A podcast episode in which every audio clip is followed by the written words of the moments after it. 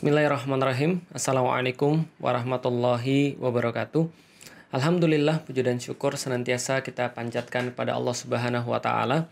Begitupun juga salat dan salam semoga tercurah dan terlimpahkan kepada baginda Nabi besar Muhammad sallallahu alaihi wasallam.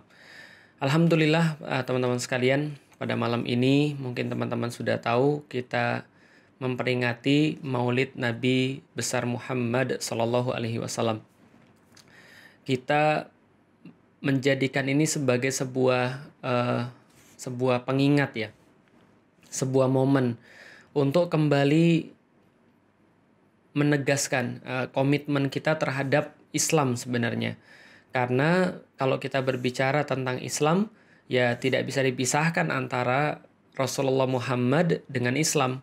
Karena Allah sendiri menyampaikan kepada kita sebuah perintah Qul ingkung tum tuhibbunallah fattabi'uni. Jadi Allah sampaikan kepada Nabi Muhammad, Qul, katakan wahai Nabi Muhammad, ingkung tum tuhibbunallah, katakan wahai Muhammad kepada seluruh manusia, kepada pengikut-pengikut kamu, terhadap seluruh kaum muslimin, katakan kalau seandainya kalian benar-benar mencintai Allah, fattabi'uni, maka ikutlah aku. Jadi Nabi Muhammad diminta untuk mengatakan kalau kalian mencintai Allah, tidak ada jalan selain mengikuti aku yuhibbukumullah. Ketika kemudian kita mencintai Allah, lalu kita mengikuti Nabi Muhammad, maka Allah langsung akan membalas cinta kita. Yuhibbukumullah dan tidak hanya itu, Allah sampaikan wa yaghfir lakum dzunubakum. Dan Allah tidak hanya mencintai kita, tapi bentuk cinta Allah adalah memberikan ampunan-ampunan terhadap dosa-dosa kita. Maka tidak mungkin dipisahkan antara Allah dan Rasulnya. nya tidak mungkin dipisahkan antara Rasulullah taat pada Rasulullah dengan ketaatan-ketaatan terhadap lain seperti ketaatan-ketaatan terhadap Allah misalnya. Karena Allah dan Rasul adalah bagian daripada syahadat kita. Maka ketika kita menjadi seorang muslim, kita bersyahadat menegaskan komitmen kita terhadap Allah itu pasti punya komitmen terhadap Rasulullah. Maka syahadat kita kita senantiasa uh, ucapkan, kita senantiasa perbarui uh, setiap harinya yaitu adalah asyhadu an la ilaha illallah wa asyhadu anna muhammadar rasulullah. Kita mengakui, kita menyaksikan bahwasanya Allah adalah satu-satunya Tuhan kita dan tentu saja bagian daripada menyaksikan Allah adalah Tuhan kita, kita mengakui adanya Nabi Muhammad sebagai utusan kita. Saya pengen cerita sedikit teman-teman sekalian, ada yang menarik. Uh, suatu waktu ada orang uh, ada orang keturunan India cerita ke saya. Dia cerita begini, uh, saya itu seorang mualaf. I'm a convert kata dia. Agamanya dulu apa? Saya tanya. Oh ya, saya dulu adalah seorang Sikh. Dia bilang salah satu agama di India ada namanya Sikh. Dia bilang dia menjadi seorang muslim setelah pencarian panjang. Dia pengagum benda-benda langit, dia pengagum sains tentu saja. Dia uh, juga belajar psikologi secara serius dan dia mendalami berbagai macam ilmu-ilmu yang dia pikir ilmu-ilmu itu bisa mengantarkan dia pada siapa pencipta yang sesungguhnya dan jawaban kegalauan dia terhadap agama. Setelah dia mempelajari segala-galanya, yang saya kaget dia bilang begini, uh, ya kita nggak kaget sih, tapi ya cukup insightful gitu bagi saya. Jadi dia bilang gini, kenapa saya sampai memutuskan Islam? Dia bilang perjalanan saya terhadap psikologi, terhadap filsafat, terhadap uh, sains dan segala macam itu seolah-olah mereka tidak bisa untuk memberikan satu uh, penjelasan yang lengkap dalam hidup saya dia bilang. Dan setiap kali saya mempelajari ilmu-ilmu itu seolah-olah ada sebuah loncatan-loncatan yang harusnya nggak dilakukan untuk mencapai satu kesimpulan. Maka dia bilang, saya nggak menemukan adanya kebenaran di dalam ilmu-ilmu itu. Dalam arti kebenaran terhadap pertanyaan, siapa Tuhan itu sebenarnya. Maka ketika dia terus-menerus mencari, sewaktu itulah ada temannya yang ngasih di Al-Quran. Setelah temannya itu ngasih dia Al-Quran, kemudian dia baca Al-Quran itu, dan dia baca setiap lembarnya, dia semakin tertarik dengan konsep-konsep yang sangat hebat di dalam Al-Quran, konsep-konsep yang lengkap tentang penjelas, eh, penjelasan hidup manusia di semua di situ, semakin dia buka, semakin dia terkesan, semakin dia terpesona. Sampai pada suatu titik, setelah dia selesai kemudian membaca seluruh Al-Quran, dia memutuskan, saya pengen jadi seorang muslim. Saya pengen jadi seorang muslim. Lantas dia datang ke masjid terdekat, ngajak temennya, lalu kemudian dia pengen diskusi untuk masuk Islam. Dan tahu nggak teman-teman sekalian, setelah kemudian dia bersyahadat, pertanyaan pertama dia adalah, saya mau tahu sekarang nabi kita siapa? jadi, jadi setelah dia bersyahadat asyhadu an la ilaha illallah wa asyhadu anna muhammadar rasulullah, lantas dia bertanya, mana sekarang nabi kita? Lantas kemudian orang yang ngajak dia syahadat bingung dong, gitu kan ya. Lantas kemudian dibilang sama dia, "Wah, kalau kamu nyari nabi ya kamu sudah telat 1400-an tahun yang lalu gitu kan ya. Kamu sudah kamu sudah telat sekitar 1400 tahun yang lalu. Kenapa? Lah nabinya sudah nggak ada lagi. 1400 tahun lalu sudah wafat. Sayang sekali kamu lahir di di zaman yang salah, di waktu yang salah. Kemudian dia bilang, "Loh, ini nggak mungkin." Lah maksudnya nggak mungkin gimana? Dia bilang gini, saya mempelajari Al-Quran, saya mengetahui konsep-konsep di dalam Islam bagaimana pengaturan terhadap hidup manusia secara lengkap, mulai dari individual sampai dalam kejadian-kejadian besar seperti bernegara, seperti kemudian berpolitik dan segala macam. Dan dia bilang apa? Sesuatu yang sangat insightful bagi saya. Dia bilang gini, ini tidak mungkin bisa diterapkan kalau tidak ada mentor yang tepat. Dia bilang, ini nggak mungkin bisa diterapkan kecuali dengan mentor yang tepat. Jadi ibaratnya dia bilang gini, ada kurikulum, kurikulum ini saking hebatnya, nggak mungkin bisa diajarkan kecuali oleh qualified teacher, kira-kira gitulah. Ini nggak mungkin. Lantas kemudian saya bilang, ya Allah, insightful banget. Kenapa? Betul. Islam itu keren banget. Islam itu sangat sistematis. Islam itu sangat-sangat sangat-sangat uh, apa ya detail gitu ya. Dan kemudian ini nggak mungkin orang cuma baca Al-Quran bisa menerapkan. Tapi memang harus ada orang certified teacher yang ngajarin. Lantas kemudian ya orang yang mensyahadatkan uh, teman saya ini terus bilang ya kamu sudah telat 1400 tahun yang lalu.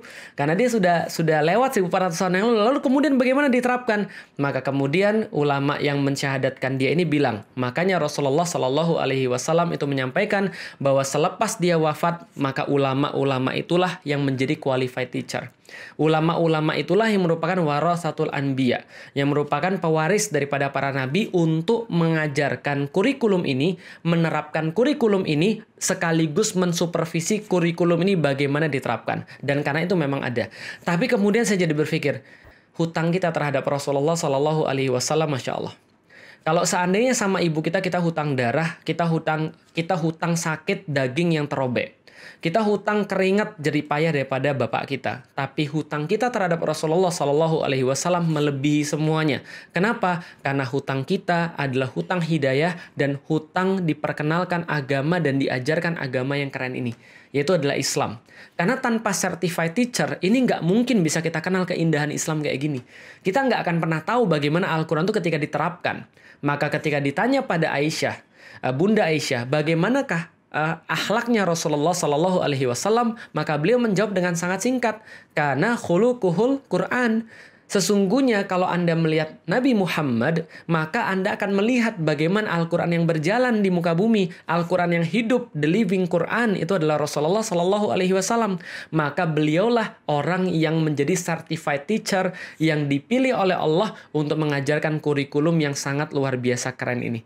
Maka kemudian saya jadi berpikir, Pantas ketika kemudian kita mengucapkan Allahumma salli ala Sayyidina Muhammad. Setiap hari kemudian Jumat kita diperbanyak, diperintahkan memperbanyak salawat. Kenapa? Untuk mensyukuri hal tadi. Karena bagaimanapun juga kalau kita diajarin perkara-perkara sedikit aja, maka kita terima kasih sama guru kita. Makasih Ustadz, jazakumullah Ustadz, dan segala macamnya.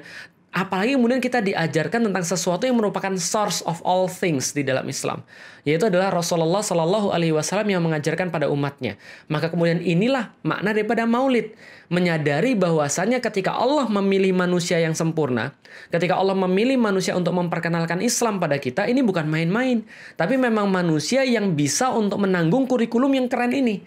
Maka sampai kapan pun ketika kita membaca sirah Nabi, kemudian melihat bagaimana kemudian uh, kehidupan Nabi, perjuangan Nabi, ya kita kita pasti merasa ya Allah ini kayaknya nggak ada apa-apanya kita. Kita nggak kita kita nggak tahu perbandingannya seperti apa dengan Rasulullah. Jangankan dengan Rasulullah, para sahabat aja ketika ngelihat Rasulullah aja sudah geleng-geleng. Bagaimana kemudian mereka bisa menyamai uh, aktivitas-aktivitas Rasulullah ketika mereka membandingkannya dengan diri sendiri. Maka Abu Bakar aja itu nggak mau membandingkan dirinya dengan Rasulullah. Umar dengan Abu Bakar aja nggak mau membandingkan, apalagi dengan Rasulullah Shallallahu Alaihi Wasallam. Maka keberkahan ketika kita diturunkan kurikulum yang super hebat, dengan kemudian certified teacher yang bisa ngajarin kurikulum ini, ini adalah berkah yang sangat luar biasa. Makanya kemudian betul ketika Allah sampaikan di dalam Al-Quran, wama arsalnaka illa rahmatal lil alamin. Kami tidak menurunkan uh, Muhammad Sallallahu Alaihi Wasallam kecuali Muhammad itu akan menjadi sumber inspirasi untuk keberkahan di seluruh alam. Maka kecintaan terhadap Rasulullah Sallallahu Alaihi Wasallam yang paling utama adalah mengikuti apa pun perintah-perintah yang telah dia sampaikan kepada kita, mengagungkan apa pun yang beliau agungkan, merendahkan apa pun yang beliau rendahkan, memperjuangkan apa pun yang beliau perjuangkan, sakit dengan yang beliau sakit dan senang dengan yang beliau senang. Itulah makna sunnah secara umumnya. Maka Masya Allah kita diingatkan setiap tahun ketika maulid Sallallahu Alaihi Wasallam, maulid Nabi Muhammad Sallallahu Alaihi Wasallam, maka kita diingatkan bahwa kita adalah bagian daripada itu semua. Dan kalau sekarang kemudian bertepatan ketika maulid kita mendapatkan ujian-ujian terhadap umat muslim berupa kemudian hinaan, berupa kemudian caci maki, berupa kemudian uh, sesuatu yang sangat menyakiti hati kaum muslimin, ya inilah kemudian yang juga menjadi sebuah indikasi sebesar apa kecintaan kita terhadap Rasulullah Sallallahu Alaihi Wasallam. Karena memang hal-hal kayak gini nggak akan pernah berakhir. Dan ada orang bilang, wah jangan jangan kayak gitu dong, jangan marah-marah dong, nggak usah ngeboikot produk-produk Prancis misalnya, nggak perlu kemudian kita marah-marah dan segala macam di sosial media. Mas, orang marah ketika orang tuanya dihina itu wajar. Justru kalau dia nggak marah ketika orang tuanya dihina, itu justru dipertanyakan. Sebenarnya dia mencintai atau tidak. Memang betul Rasulullah nggak pernah marah ketika uh, ketika pribadinya dihina. Tapi kalau umatnya nggak marah ketika pribadi Rasulullah dihina itu dipertanyakan tadi kenapa lah wong kalau orang tua kita saja dihina darah kita tuh jadi murah karena itu apalagi kalau Rasulullah Shallallahu Alaihi Wasallam dihina kenapa di yaumil kiamat keperluan kita terhadap Rasulullah itu lebih besar daripada keperluan kita terhadap orang tua kita. Maka kalau kita marah, itu adalah sesuatu yang wajar. Bukan berarti jadi seorang muslim lantas kita nggak boleh marah. Boleh marah kalau alasannya benar. Dan marahnya kita kenapa? Karena orang-orang yang ada itu yang yang ada di Prancis ya presidennya, lalu kemudian pemerintahnya itu nantangin gitu loh. Dan mereka memang benar-benar tahu sebenarnya bahwa orang muslim itu sangat sensitif dalam masalah Rasulullah Shallallahu alaihi wasallam. Tapi mereka masih nantangin. Kenapa? Karena ada agenda-agenda mereka yang mereka tahu sebentar lagi Islam akan bangkit, mereka tahu ada geliat-geliat positif di kalangan kaum muslimin, sebuah apa ya, semacam kayak narasi-narasi persatuan, kecenderungan untuk bisa bareng-bareng dan mereka nggak suka itu, maka mereka mau menunjukkan seolah-olah Islam itu adalah kekerasan radikal teroris. Mereka bicara tentang kebebasan berbicara. Padahal mereka tidak menghormati kebebasan berpikir. Padahal kebebasan berpikir dan berkeyakinan itu itu adalah lebih didahulukan daripada kebebasan berbicara. Nah, ini adalah sesuatu yang aneh dan ya ini memang sesuatu yang wajib kita lakukan. Kenapa? Hidup cuma sekali, Pak. Nyawa cuma satu, Pak karena itulah harus dikasih di tempat yang benar kan gitu kan ya. Karena you only you only live once gitu ya katanya ya. You only live once YOLO katanya. Uh, maka karena itulah karena cuma sekali harus kemudian dikasih pada tempat yang benar. Yaitu apa? Kalau untuk bela nabi kenapa tidak dan apalagi cuma hanya sekedar memboikot produk-produk Prancis sampai mereka kemudian sadar dan meminta maaf itu pun sebenarnya harusnya sudah ya nggak usah bicara agama nggak usah bicara tentang apa pun kita bicara moral kompas, etika saja itu seharusnya sudah sesuatu yang wajar dilakukan. Tapi oke okay lah teman-teman sekalian, after all, saya pengen cerita tentang satu hal yang merupakan uh, sebuah inspirasi kenapa saya mau live. Saya cerita tentang ada seorang khalifah namanya Abdul Hamid. Abdul Hamid ini adalah seorang khalifah dianggap sebagai the last kalib. Uh, dalam bahasa Inggris, the last kalib. Atau dalam bahasa Indonesia ya, khalifah yang terakhir, yang berkuasa secara penuh.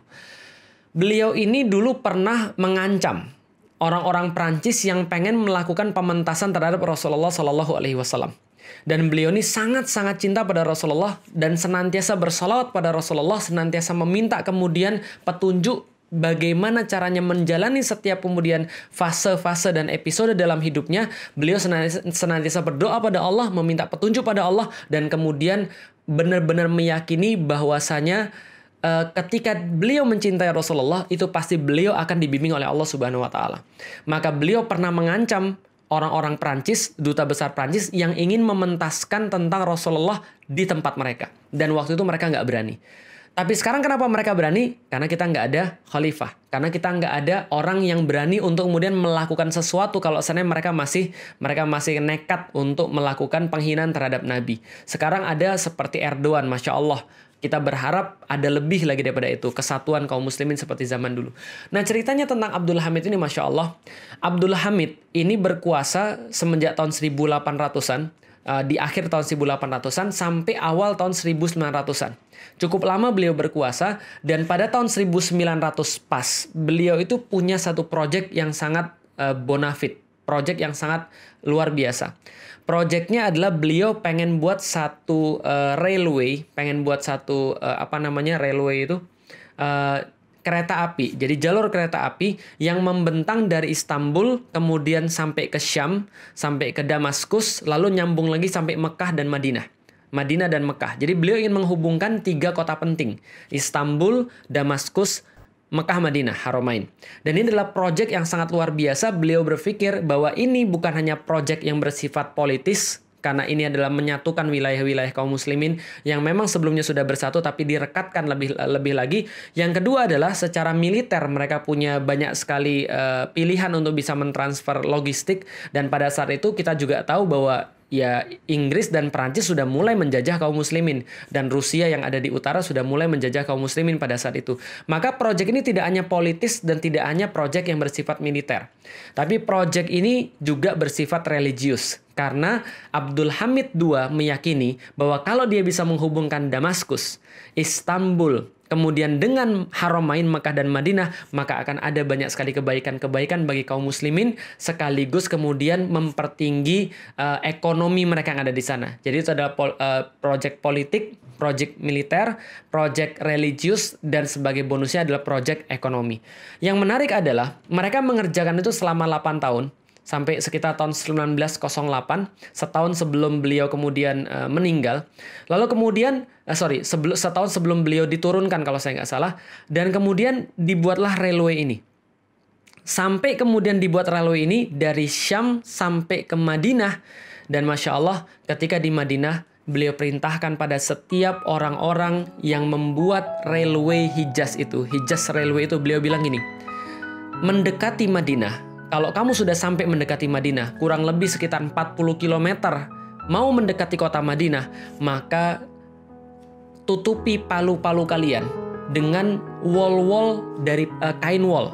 Jadi kayak kayak wall terus kemudian ditutupin uh, ditebelin terus ditutupin ke palu-palu mereka dan lapisin setiap rel-rel yang mau kalian pukul itu ketika kalian buat dengan wall juga. Kenapa? Supaya suaranya tidak membangunkan Rasulullah Shallallahu Alaihi Wasallam.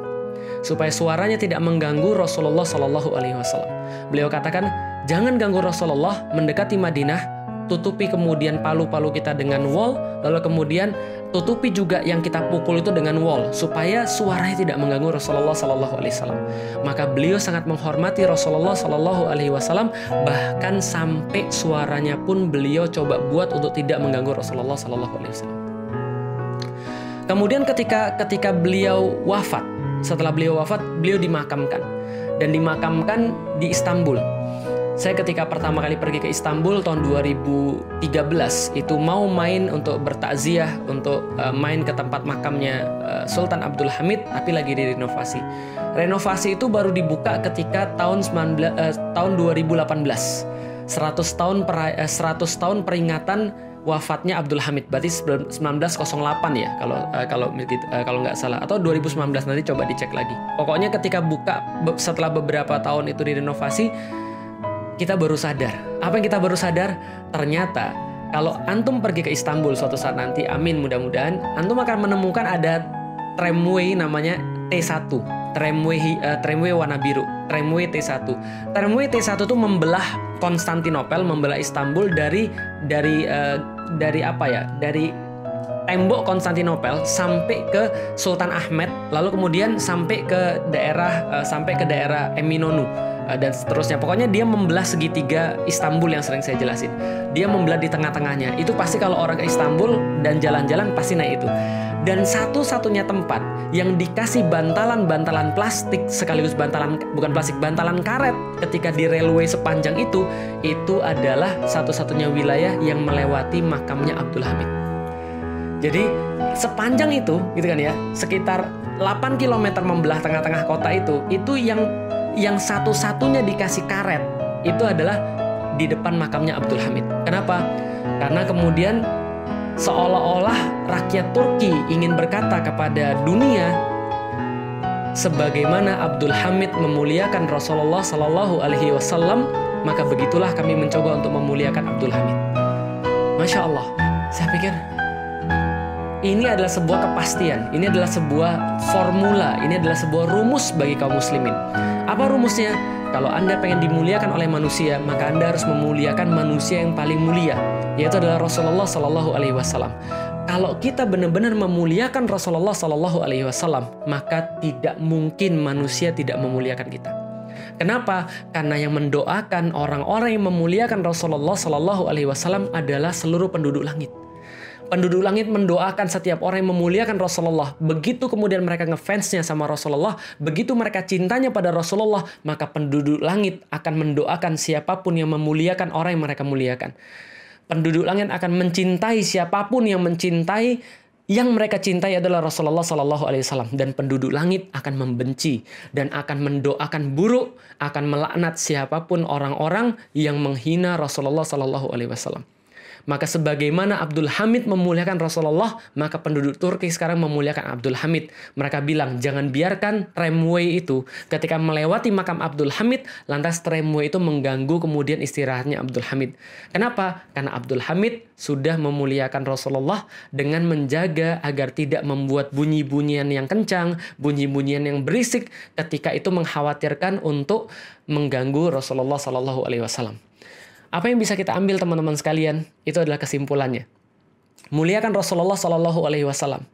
Kenapa? Karena itu adalah bagian daripada akidah kita. Kita udah jelasin dari awal. Tapi bonusnya bagi Anda adalah Allah akan menyayangi Anda. Yuhbibkumullah wa lakum dan akan menghapuskan dosa-dosa Anda. Dan sebagai bonus yang lainnya adalah manusia-manusia akan mencintai siapa pun yang mencintai Rasulullah Shallallahu alaihi wasallam dengan ikhlas dan memang dari hatinya yang terdalam dan dia ikhlas dan benar dalam cintanya, maka dia senantiasa memuliakan ucapan-ucapan Rasulullah Shallallahu Alaihi Wasallam. Dia senantiasa untuk berusaha mencontoh apa pun yang telah disampaikan oleh dan dicontohkan perbuatannya oleh Rasulullah Sallallahu Alaihi Wasallam. Dia mencintai apa pun yang dicintai oleh Rasulullah. Dia berusaha menjaga kata-katanya daripada menyakiti Rasulullah Sallallahu Alaihi Wasallam. Dia berusaha menjaga kata-katanya daripada daripada mengolok-olok ataupun bahkan sampai mencitrakan buruk Rasulullah Sallallahu Alaihi Wasallam. Kenapa? Karena kecintaan itu yang paling mudah itu adalah lisan. Kecintaan itu paling bisa dilihat melalui lisan. Kemudian setelah lisan, barulah kemudian perbuatan kita untuk bisa mencintai Rasulullah Shallallahu Alaihi Wasallam dengan cara yang paling pas, dengan cara yang paling maksimal. Allahumma salli ala Sayyidina Muhammad. Semoga Allah kemudian senantiasa uh, memberikan kita kekuatan untuk mencontohi Nabi Shallallahu Alaihi Wasallam, senantiasa taat pada apa pun yang telah beliau sampaikan, sehingga ketika beliau ketika beliau menjumpai kita ketika di hari kiamat, maka mudah-mudahan kita termasuk orang-orang yang dibanggakan oleh Rasulullah Sallallahu Alaihi Wasallam. Mudah-mudahan kita termasuk orang-orang yang diingat oleh Rasulullah Sallallahu Alaihi Wasallam dan kita dipanggil nama kita oleh Rasulullah Sallallahu Alaihi Wasallam dijadikan sebagai orang-orang yang berbaris di belakangnya mampu untuk memandangnya walaupun dari kejauhan dan kalau diizinkan bisa untuk memeluk beliau dan bercanda dengan beliau, berkata-kata dengan beliau. Semoga apa pun yang kita coba di dunia ini untuk senantiasa memuliakan beliau dan apa pun yang beliau perjuangkan menjadi tanda cinta kita yang paling besar kepada Rasulullah Shallallahu alaihi wasallam. Barakallahu fikum. Assalamualaikum warahmatullahi wabarakatuh.